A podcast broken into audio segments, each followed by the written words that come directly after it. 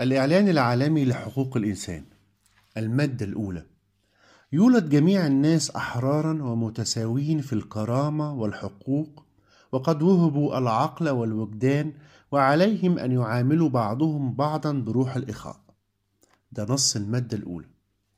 لو خدت بالك من النظرة الأولى ترى أن كلمة الكرامة بتسبق كلمة الحقوق.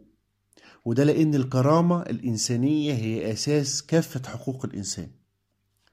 قبل اعتماد الإعلان العالمي لحقوق الإنسان سنة 1948 كان مصطلح الكرامة في دساتير خمس بلدان فقط. أما الآن فهي معترف بها كحق أساسي في أكثر من 160 من دساتير العالم من بين 193 دولة عضوة في الأمم المتحدة. على فكرة الكرامة الإنسانية هي إنك تحترم الآخرين في كلامهم وتصرفاتهم وأفعالهم فقط لأنهم بني آدمين زيك زيهم. طب زي إيه المساس بالكرامة الإنسانية؟ زي إن تلميذ يشتم تلميذ تاني أثناء الحصة لأن ده يعتبر شكل من أشكال الإهانة.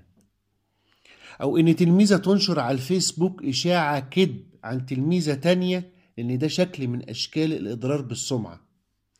أو إن مدرس يتجاهل إن التلاميذ بيطلقوا على بعض ألقاب وألفاظ ومسميات لأن ده بيتسبب في عدم منع إهانة.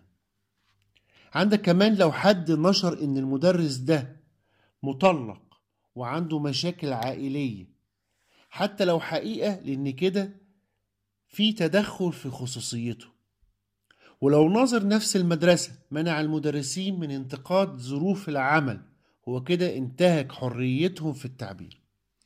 وعلى مستوى تاني في أمور تمس الكرامة الإنسانية في أماكن وتعتبر إنها انتهاك لكنها في أماكن أخرى لا تمس الكرامة الإنسانية ولا تعتبر إنها انتهاك.